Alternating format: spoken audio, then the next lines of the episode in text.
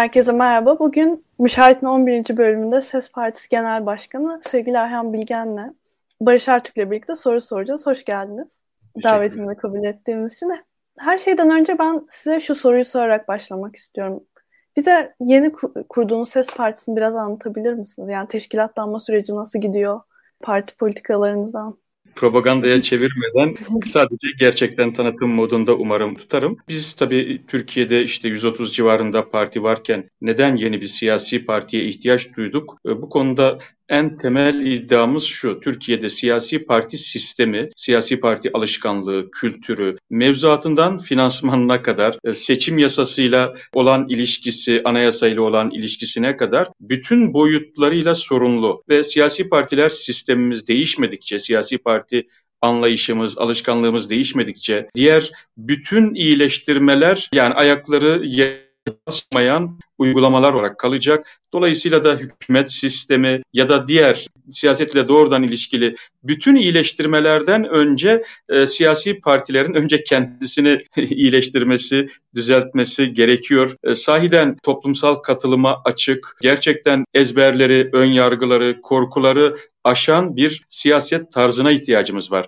Sonuçta siyasi partiler amaç değil. Toplumun siyasete katılımını kolaylaştırmak için önemli bir yani modern demokrasilerin önemli bir aracı. Bu kadar daha fazla anlam yüklemek, daha fazla fetişe etmek, partileri adeta din tutar gibi, din tercihi yapar gibi ya da takım tutar gibi tutmaya kalkmak amaca hizmeti aşıyor ve bir süre sonra kendisi amaç haline geliyor. Biz bu hesaplaşmayı yapmak, bu yüzleşmeyi ortaya koymak için yola çıktık aslında. Bu anlamda hani deyim yerindeyse biraz parti gibi olmayan parti tarzını geliştirmeye çalışıyoruz. Sivil toplumla birlikte çalışıyoruz. Sivil toplumun siyasete katılımına dair tartışmalara katkı sunmaya çalışıyoruz. E, bu anlamda birazcık hani böyle seçime, sandığa odaklı 5 yılda bir temsili demokrasinin dar duvarlarına hapsolmuş bir demokratik katılım ya da işte e, siyasi parti alışkanlığı değil, değişen dünyada, değişen iletişim araçlarıyla yeni kuşağın özellikle her an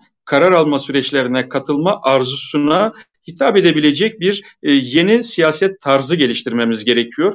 E, ana iddiamız bu. Bunun için de e, dünyadaki örnekleri araştırdık. E, yani Podemo örneği, Beş Yıldız örneği, başka ülkelerde de örnekler var. Dijital demokrasi platformları. E, bütün bunlarla birlikte klasik geleneksel particiliği bir daha masaya yatırmamız gerekiyor. Bu niyetle yola çıktık ama tabii her şeye rağmen e, işte e, seçime girmek için teşkilatlanma çalışmalarımızı da hızla sürdürüyoruz. 41 ilde aslında yetkilendirme yaptık. E, il teşkilatlarımızı büyük oranda kurduk. İlçelerimizi de çok kısa bir süre içerisinde tamamlayacağımızı düşünüyoruz. Seçimin Mayıs'ın sonlarında olma ihtimalini de düşünerek yetiştirmeye çalışıyoruz. Seçimde de normal seçim dışı süreçte de siyasete katılıma katkı sunacak bir zemin, bir platform olmayı başarırız. Bu anlamda sessiz çoğunluğun sesi olmayı çok önemsiyoruz. Çünkü Türkiye'de çeşitli güçlü çıkar gruplarının siyaseti manipüle ettiğini düşünüyoruz. Çok az sayıda profesyonel, siyasetten geçinen, işi particilik olan kişinin siyasi partileri,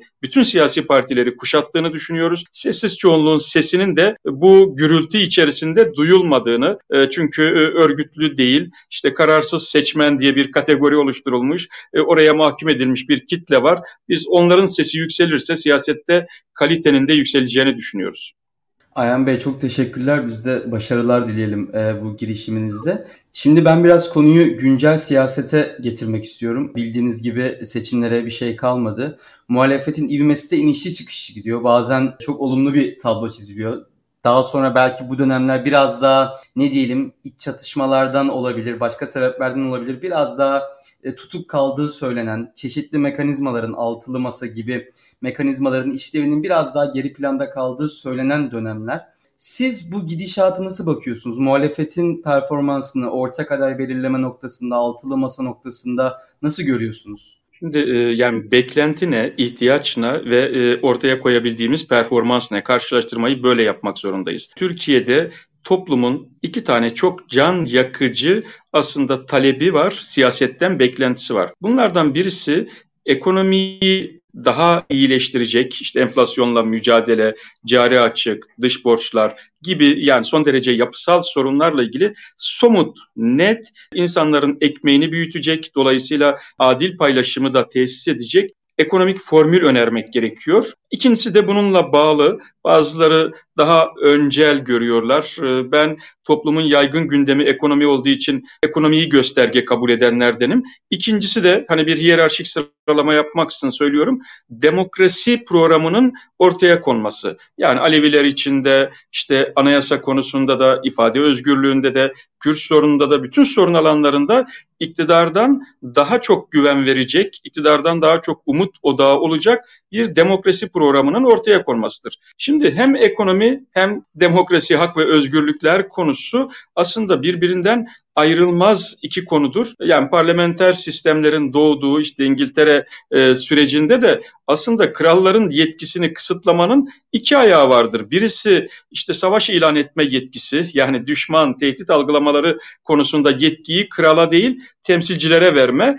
İkincisi de verginin yönetimi yani ne kadar, nasıl, kimden toplanacak ve nasıl harcanacak konusu. Şimdi bu iki konu birbirinden ayrılmaz. Başından beri demokrasinin iki ayağıdır. E, muhalefet bu ikisiyle ilgili eğer güven veremezse topluma yani iktidardan daha güzel günleri vaat etmezse, e, daha insanca yaşam koşullarını bir umut olarak toplumun önüne koyamazsa yani insanlar elindekini kaçırmama, elindekini kaybetmeme, daha kötüye, bugünleri arayacağımız günlere düşmeme refleksiyle yani korkuyla hareket ederler. Oysa değişim için, demokratik değişim için güven duygusunun çok toplumsal psikolojide egemen olması lazım. Yani bu genellemeden sonra da iki tane somut eleştirimi ifade etmek isterim. Birisi yapısal, seçim dönemlerindeki seçim ittifakları dışında yani olağan dönemde uzun erimli ittifaklar partilerin siyaset yapmasını zorlaştırır. Çünkü yani altı parti bir araya gelmişsiniz. Bir dış politika değerlendirmesi yapsanız muhtemelen masadaki aktörlerden birisini inciteceksiniz. Ekonomiye dair bir eleştiri yapsanız masadaki başka bir aktörü eleştiri, e, inciteceksiniz. Dolayısıyla bu sefer de söz söyleyememe, e, hareket edememe, e, siyaset yapamama handikapı yaşıyorsunuz. Bu gayet tabii uzun erimli ittifaklar için en büyük risktir. İkincisi de bence parlamenter sisteme geçiş konusu e, fazla abartıldı. E, yani evet ben de parlamenter sistemin Türkiye için daha iyi olduğunu düşünenlerdenim. Ama Türkiye'de parlamenter sisteme geçebilmeniz için de yine bir anayasa değişikliği gerekiyor. 360'ı e, bulursanız referanduma gideceksiniz. 400'ü geçerseniz ancak referandumsuz yapabilirsiniz ki bence demokrasinin gereği mutlaka bu konunun halka sorulmasıdır. E, şimdi bir ülke e, ya 2-3 yılda bir sistem değişikliği tartışmamalı. Yani evet başkanlık sistemine geçerek belki yanlış yaptık ama şimdi hemen e, iki yıl sonra yeni bir yanlış yapmaya odaklanmamalıyız. E, burada gayet tabii hani parlamenter sisteme geçmenin koşulları ortaya çıktığında buna odaklanabilirsiniz. Bunu önemseyebilirsiniz, öncelikli görebilirsiniz. Ama toplumun önceliği bu değil. Toplumun önceliği ekonomi, hak ve özgürlükler, adalet. E, şimdi hükümet sisteminin e, gerçekten e, hayati belirleyici önemi var. Bunu e, yatsımıyorum, bunu e, hafife almıyorum. Ama bir geçmek çok kolay değil. Bugünkü aritmetikte e, yani 360 milletvekilinin bu yönde irade ortaya koyması çok kolay değil. E, ikincisi de e, ya burada esas olan şey parlamenter mi ya da e, başkanlık mı değil. Her ikisinin de değerler dünyasına odaklanmalıyız. Nedir bu değerler dünyası? E, güçler ayrılığı, ve denge denetleme, güçler ayrılığı ve denge denetlemeyi her iki sistemde de hayata geçirebilirsiniz amaçsal yorum yapalım. Böyle parlamenter sistemler vardır ki son derece otoriter yönetimler çıkartır. Öyle başkanlık sistemleri vardır ki e, son derece güçler ayrılığını iyi işletebilir. Burada bir sistem topyekün kötü, bir sistem son derece demokratik demek yerine her iki sistemi de demokratik işletmenin de imkanları var. Her iki sistemi de e, otoriterleştirmenin de örnek uygulamaları var. Dolayısıyla burada e, hani sorunu sisteme yüklemek yerine mekanizmaları yani her iki sistem içinde olmazsa olmaz hukuk devletinin, demokrasinin temel aparatlarını konuşmalıyız. Nedir bu? Yargı bağımsızlığıdır. Nedir bu? Temsilde adalettir. Nedir bu? Partilerin katılımcı demokrasiye uygun hale gelmesidir. Sivil toplumun ve medyanın hem denetleme hem de karar alma süreçlerine katılım işlevini çok güçlü biçimde yapabilmesidir. Artık klasik güçler ayrılığı bile geride kaldı. Temsili demokrasinin yani paradigmasıdır e, güçler ayrılığı. Artık dünyada güçler ayrılığı yetmiyor. Denge denetleme tabiri bunun için kullanılıyor ve denge denetleme demek güçler ayrılığı artı yani elbette güçler ayrılığı olacak artı sivil toplum ve medya aslında neredeyse bu güçlerin dördüncüsü, beşincisi gibi bir rol oynayacak. E şimdi Türkiye'de siyasi partiler ne yazık ki hala sivil toplumu sadece arka bahçe gibi görüyor. E, medyayı işte herkes kendisine göre ya bana yakın olan, beni eleştiren, bana karşıt olan ya da benim rakibimi eleştiren kategorisiyle el alıyor. İlkesel ve e, yani aslında bunları araçsallaştırmayıp tam tersine siyasete katılımın en az partiler kadar önemli e, sistemin demokratikleşmesi için olmazsa olmaz zeminleri olarak görmemiz lazım. Ben bu açıdan hani e, Millet İttifakı'nın, e, altılı masanın bugünkü iktidardan, Cumhur İttifakı'ndan daha demokratik bir vizyon, daha e, ekonomik sosyal hakları da kapsayacak bir irade ortaya koyması durumunda bir başarı hikayesi, bir başarı yani süreci inşa edebileceğini düşünüyorum. Aksi takdirde e, daha geriye çekerse e, mesela HDP ile ilgili sergilediği performans ya da başka konularda daha geriye çeken bir dil kullanırsa sadece kutuplaşmaya hizmet etmiş olurlar. E, ya bu da iktidarın elini bence rahatlatır. Çok teşekkür ederiz. Ya ben şeyi de merak ediyorum. Şimdi daha da güncel siyasete girersek. HDP'nin AK Parti yetkililerle bu anayasa için görüştüğünü görmüştük. Fakat hani bundan önceki süreçte işte biliyorsunuz HDP'nin illegalize edilme sürecini de gördük. İşte daha siyaset dışı bir aktöre itilmeye çalışıldığını da gördük. Ya siz bu tutumu nasıl değerlendiriyorsunuz? Yani gerçekten o görüşme doğru muydu HDP açısından yoksa yapılmaması gereken bir görüşme miydi? Nasıl yorumluyorsunuz bu durumu? İpek Hanım, e, ya siyaset konuşma konuşarak sorunları aşma çabasıdır. Böyle bakılması lazım. Kan davası olmaz siyasette, küslük olmaz, kavga, kırgınlık olmaması lazım. Ee, yani gayet tabii HDP'nin dışlanması yanlıştır, HDP'nin kriminalize edilmesi yanlıştır. E şimdi yanlışta mı ısrar etmeliyiz? Bir an önce bu yanlışı terk etmek konusunda mı bir performans ortaya koymalıyız? Elbette ben HDP'yi içindeyken de e, yani kurullarında ilgilileriyle, muhataplarıyla e, eleştirmeler, eleştirilerimi yaptım, değerlendirmelerimi yaptım ve e, siyasetin tıkandığını gördüğüm için de başka bir yol açmanın arayışı içine girdim. Ama buna rağmen e, yani sonuçta siyasi partilerin sahibi sadece yöneticiler değildir. Siyasi partiler halkın e, biraz önce ifade etmeye çalıştığım oy verenlerin, gönül verenlerin sahibi olduğu adresler olarak görülmelidir.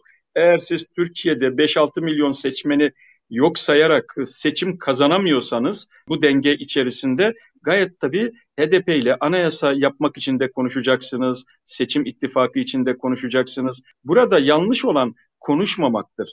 Muhalefet bu konuda keşke daha cesur davransaydı, iktidarın kriminalize etme çabalarını aşacak bir performans ortaya koysaydı. Ha, iktidarı kendi iç tutarlılığı açısından tartışabilirsiniz, eleştirebilirsiniz. Ama e, ya burada dönüp e, muhalefetin de aynaya bakması gerekiyor. E, yani siz iktidar görüştü diye niye görüştün demek yerine e, yani belki daha açık, daha cesur, fotoğraf çektirerek açıkça HDP'yi eğer masada görmek istiyorlarsa, oyuna ihtiyaç duyuyorlarsa masaya davet ederek bir siyaset inşa etmek gerekirdi. Ya bunu bence hani Türkiye siyaseti başarmalı. E, bu konuda herkes e, bir çaba, bir irade ortaya koymalı. Siyaset risk almaktır ve risk yönetmektir. Eğer eski korkularla, eski ön yargılarla siyaset yapmaya devam ederseniz Türkiye'de köprüler kuramazsınız. Duvarlar örürsünüz. E, duvarlar ördüğünüzde de işte toplumu kamplaştırmak dışında siyasetin çok da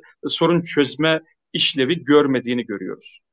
Selahattin Demirtaş hukuksuz bir şekilde uzun yıllardır hapiste ve yine muhalefetin siyaseti bu süreçte yönlendirme noktasında aktif şekilde dahil oluyor bu süreçlere. Açıklamalarını görüyoruz. Bazı açıklamaları hem HDP içinde, HDP dışında bazen tartışmalara sebep oluyor. Ve siz Selahattin Demirtaş'ı bu seçim sürecinde nerede görüyorsunuz? Hani hem HDP seçmeni için hem de sizin kendi bakış açınızla siyasetin genel olarak dinamizmi içinde. Şimdi tabii ben hiçbir siyasetçinin tutuklu yargılanmasını doğru bulmam. Yani ben de iki kez tutuklanmış, e, sekizer ay tutuklu kalmış, hala da yargılanmaya devam eden birisiyim. E, yani bu siyasi görüşünden bağımsız olarak, geçmişte birlikte siyaset yapmış olmamızdan bağımsız olarak bütün siyasetçiler için ilkesel olarak yaklaşımım, bakış açımdır. Siyasi partimizin de Ses Partisi'nin de görüşü bu yöndedir. E, ya burada gayet tabii HDP'nin kendi iç tartışmaları,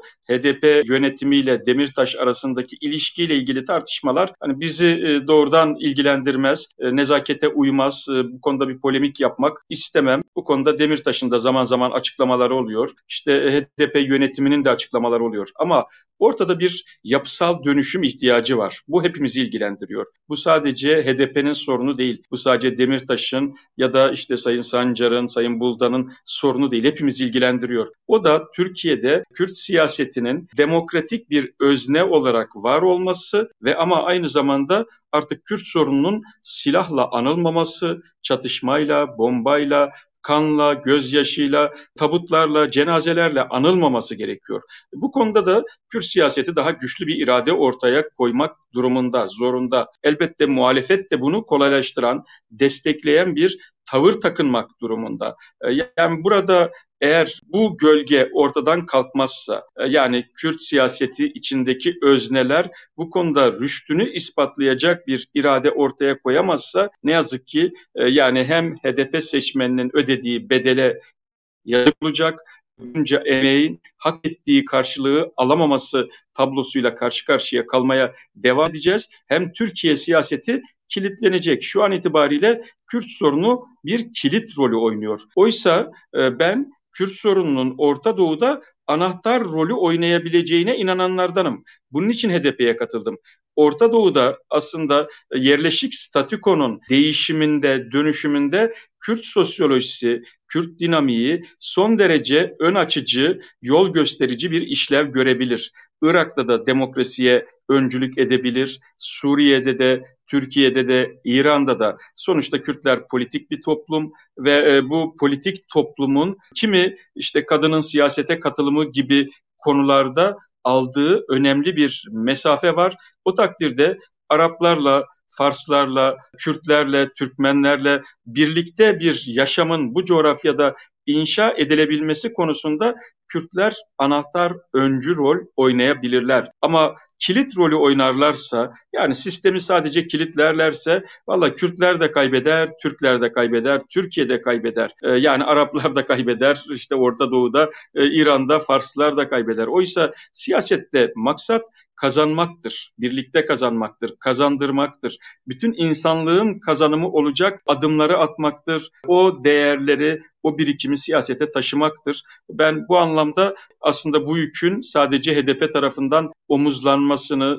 sadece HDP'nin üzerinde bırakılmasını da bir haksızlık olarak görüyorum. HDP de bu konuda tek başına hareket etme, tek muhatap olma, tek temsilci olma gibi bir eğilime girmemelidir. Kürt sorunu devasa bir yüktür ve bu yük ancak tüm partilerin bu yükü omuzlaması, biraz da partiler üstü bir bakış açısıyla yaklaşmasıyla aşılabilir. HDP hayır bu sorun benim tekelimde derse, diğer partiler de evet bu HDP'nin sorunu derse bu sorun çözümsüzlüğe mahkum olmaya devam eder.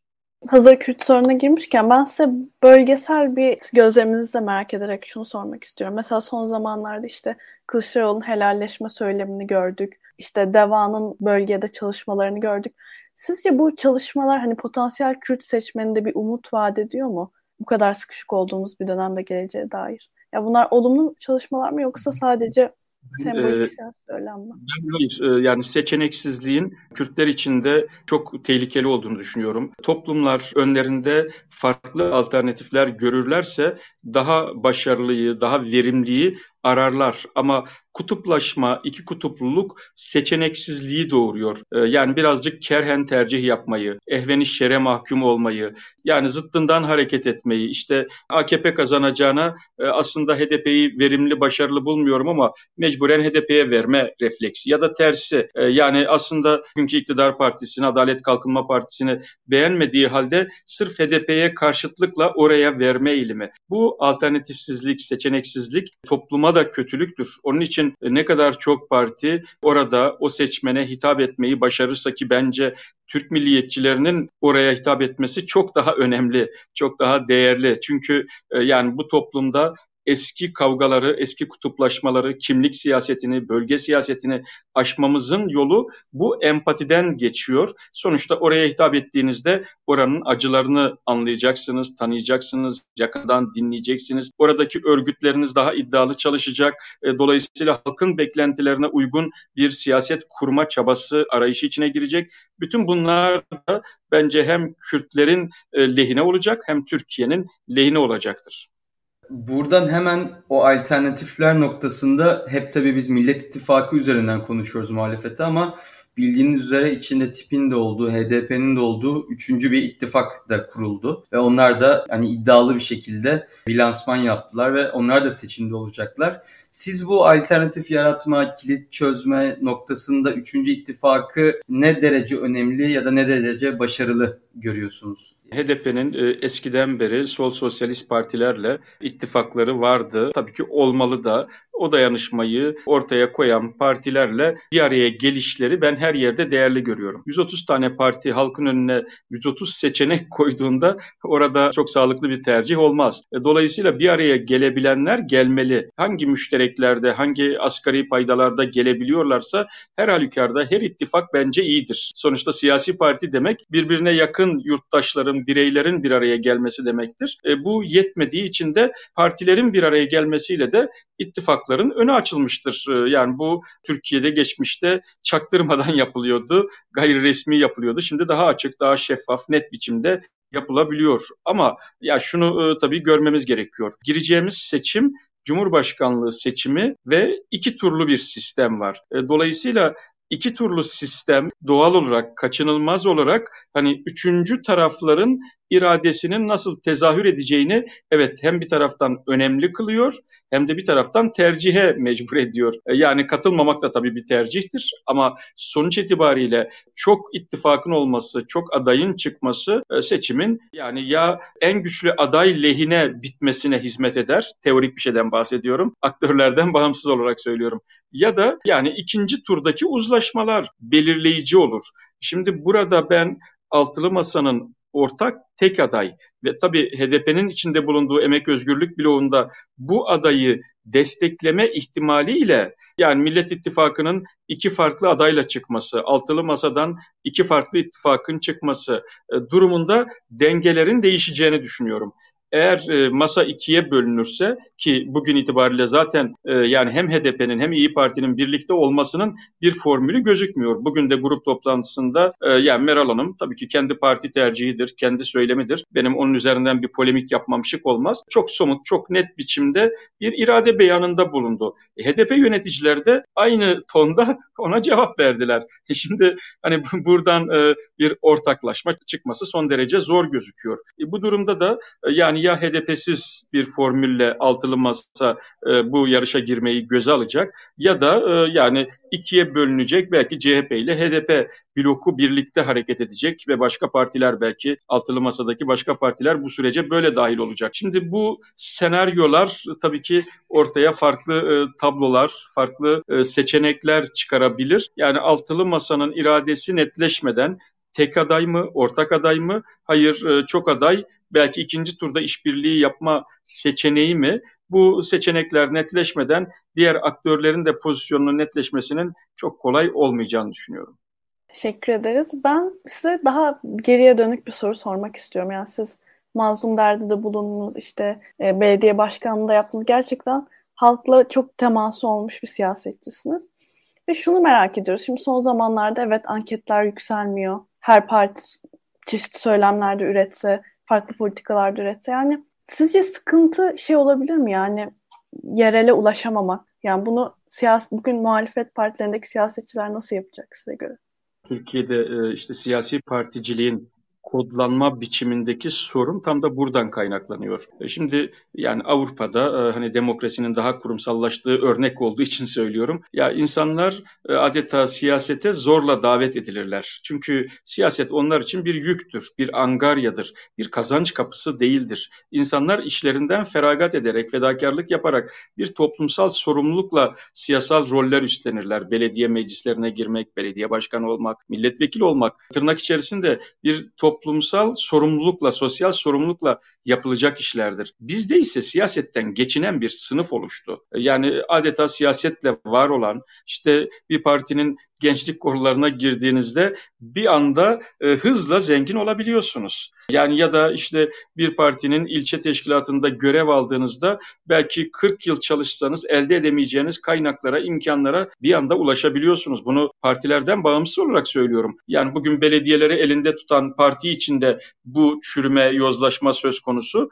İktidarı 20 yıldır yöneten parti içinde bu çürüme, yozlaşma söz konusu. Geçmişte başka partiler de bunu yaşadılar. ANAP yaşadı, Doğru Yol yaşadı. E, yani diğer partiler yaşadılar. E, yani diğer partiler de bugün işte belki bir şekilde doğrudan ülkeyi yönetmeseler de içindeki siyasetçiler geçmişte başka partilerde siyaset yapmışlardı. Bu çürüme, yozlaşma, yargılanma, işte Yüce Divan'a gitme vakalarını hepimiz biliyoruz, hatırlıyoruz. Burada aslında e, siyasetin şeffaflaşması, siyasetin finansmanı başta olmak üzere e, yani gerçekten toplumsal bir kaygıyla yapılacağı e, yapılacak bir iş ortamına taşınması gerekiyor. E, yani yoksa siyaset bir meslek olmaya, bir geçinme kapısı olmaya devam ettiği müddetçe aynı zamanda merkeziyetçi olmak zorunda Aybik Hanım. Aslında biraz önce Barış Bey'in söylediğiyle sizinki tam birbirini tamamlıyor. Burada eğer e, siz halkın katılımını esas alıyorsanız, önemsiyorsanız, ya partiler toplum için, yurttaş için, bireyler için vardır diyorsanız bu işin yerelden inşa olması gerekir. Düşünün ki Türkiye'de çok partili hayata geçtikten sonra tabii tek parti dönemi başka bir şeydir. Onu bugünle kıyaslayıp tartışmak doğru olmaz ama çok partili hayata geçtikten sonra e, yani İsmet Paşa gibi hani işte Kurtuluş Savaşı'ndan gelen güçlü bir lider Atatürk'ten sonra ikinci adam pozisyonunda bir genel başkan varken CHP'de merkezin milletvekili adayları belirlemesinde genel başkan, genel merkezi kontenjanı yüzde yirmiydi. E şimdi hiçbir partide bu kadar e, güçlü bir yerel irade yok. Şimdi neredeyse bütün partilerde yüzde yüz yetki genel başkanda sadece CHP e, ön seçim yapıyor. İşte iktidar partisi temayül yoklaması yapıyor. Yani eğilimi anlamak açısından. Ama bu bir yani işte belirleyici irade değil. İki parti açısından da egemen, yaygın belirleyici irade değil. İki büyük parti en kurumsallaşmış, en çok üyesi olan partiler bile bu mekanizmaları işletmiyorlar işletemiyorlar. E, dolayısıyla bu sizin söylediğiniz son derece önemli. Demokrasinin beşiği yerellerdir. Toplum için siyaset yapıyorsanız e, yani piramidin tepesinden değil aslında tabana, topluma değdiği yerden başlamak gerekir. O hani meşhur güzel sözdür ben çok tekrar ediyorum. Yıkım tepeden başlar, inşaat temelden başlar. Bu sadece bir inşaat e, tabiri değildir. Aslında toplumsal inşa süreçleri de, e, yeniden kuruluş süreçleri de e, bir biçimde bu özeni, bu dikkati gerektirir. Biz Cumhuriyet'in ikinci yüzyılına girerken artık demokrasiyi daha kaliteli, daha nitelikli, mümkün olduğu kadar doğrudan, mümkün olduğu kadar yerel, katılımcı kılmak zorundayız. Yoksa 1930'lar dünyasının e, demokrasi standartları üzerinden tartışırsak şekli bir demokrasiye ineriz. Evet formel olarak seçim yapılır, formel olarak bir parlamentomuz var e, ya da işte partiler var ama e, demokrasinin amacına hizmet etmiyorsa yani yereli toplumu tek tek yurttaşları karar alma süreçlerine bir özne gibi taşımıyorsa,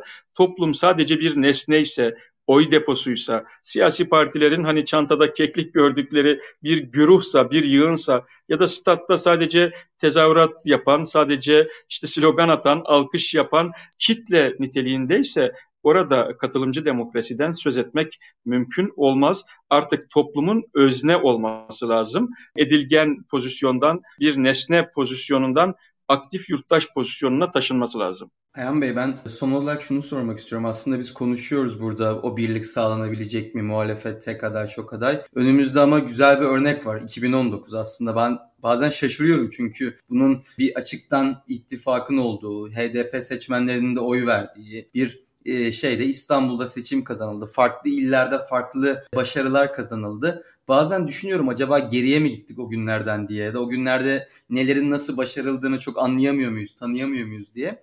Bu doğrultuda son soruyu da şöyle e, sormuş olayım. Konuklarımıza genelde bu soruyu soruyoruz. Siz ne kadar umutlusunuz? Bütün bu çizdiğimiz çerçeve, partilerin sorunları, işte Türkiye'deki bazı fayatları hepsini düşündüğümüzde çünkü bu ikili sistem bazen de aktörlerin dönüp dolaşıp bir araya bir şekilde bir formda gelmesine de bir teşvik ediyor. Bu da belki bir şans bir noktada. Çünkü ayrı kalmak iki her taraf için bir kayıp, her taraf için risk. Bütün siyasi parti liderleri için koltukların altı kaybetme riski.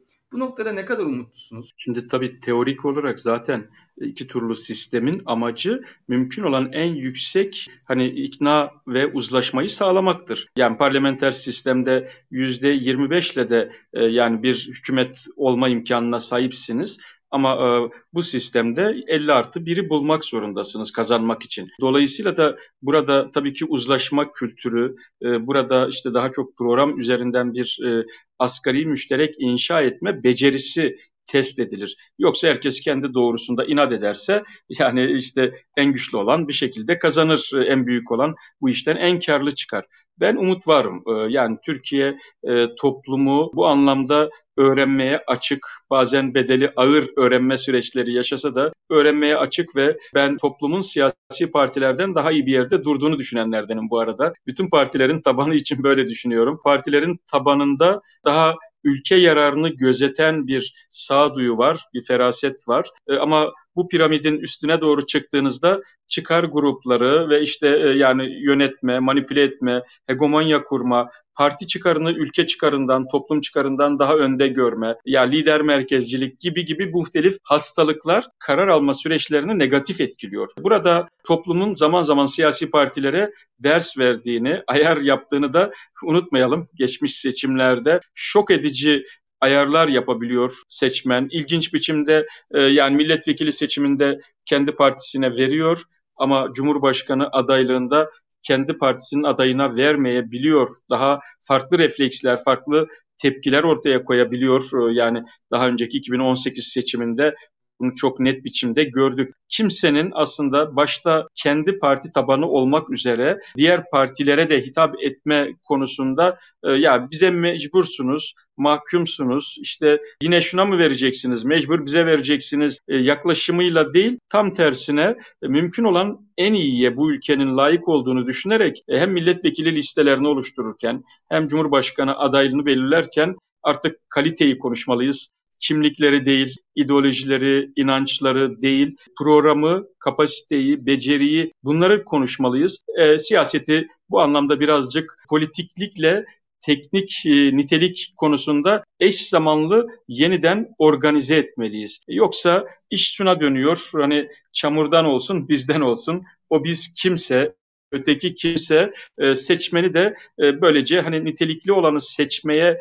teşvik etmek yerine iki iyiden birini seçmeye tercih etmek yerine iki kötüden daha az kötü olanı tercih etmeye mahkum ediyoruz ki bence buna hakkımız yok. E, ben şöyle inanıyorum. Siyasi partiler doğru adım atar, doğru irade ortaya koyarlarsa Türkiye toplumu kendi rotasını çizebilir, kendi yolunu açabilir. Özellikle gençlerden daha da umutluyum çünkü bizim eski kavgalarımıza çok büyük anlam yüklemiyorlar. Bizim eski kimlik siyasetimizi çok heyecan verici bulmuyorlar. Umutlarını oraya bağlamıyorlar. Doğruyu arıyorlar, daha iyiyi arıyorlar ve eski kategorize eden, gruplaştıran, keskin, kemikleşmiş seçmen kitlelerine teslim olmuyorlar umut var olmak için son derece önemli, son derece değerli. Belki ilk seçimde çok yerleşik bir kazanım elde edemeyeceğiz ama taşlar yerinden oynayacak bence. E, taşların yeniden yerine oturması için bir ara kaos yaşayabiliriz. E, ya gerçekçi iyimserim ben. Bu anlamda karamsar değilim ama gerçekçi iyimserim. Yani Türkiye'de her an bu seçimle birlikte işte Ankara Büyükşehir Belediyesi'nde gördüğümüz manzarayı yaşayabiliriz. Parlamento çoğunluğuyla başkan farklı bloklardan olabilir. Bu da e, bizi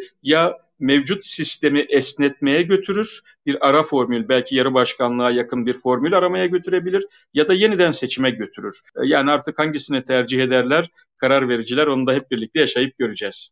Çok teşekkür ederiz. Bugün Barış Ertürk'le konuğumuz Ses Partisi Genel Başkanı Ayhan Bilgen'di. Yayınlarımızı paylaşmayı ve beğenmeyi unutmayın. Görüşmek üzere.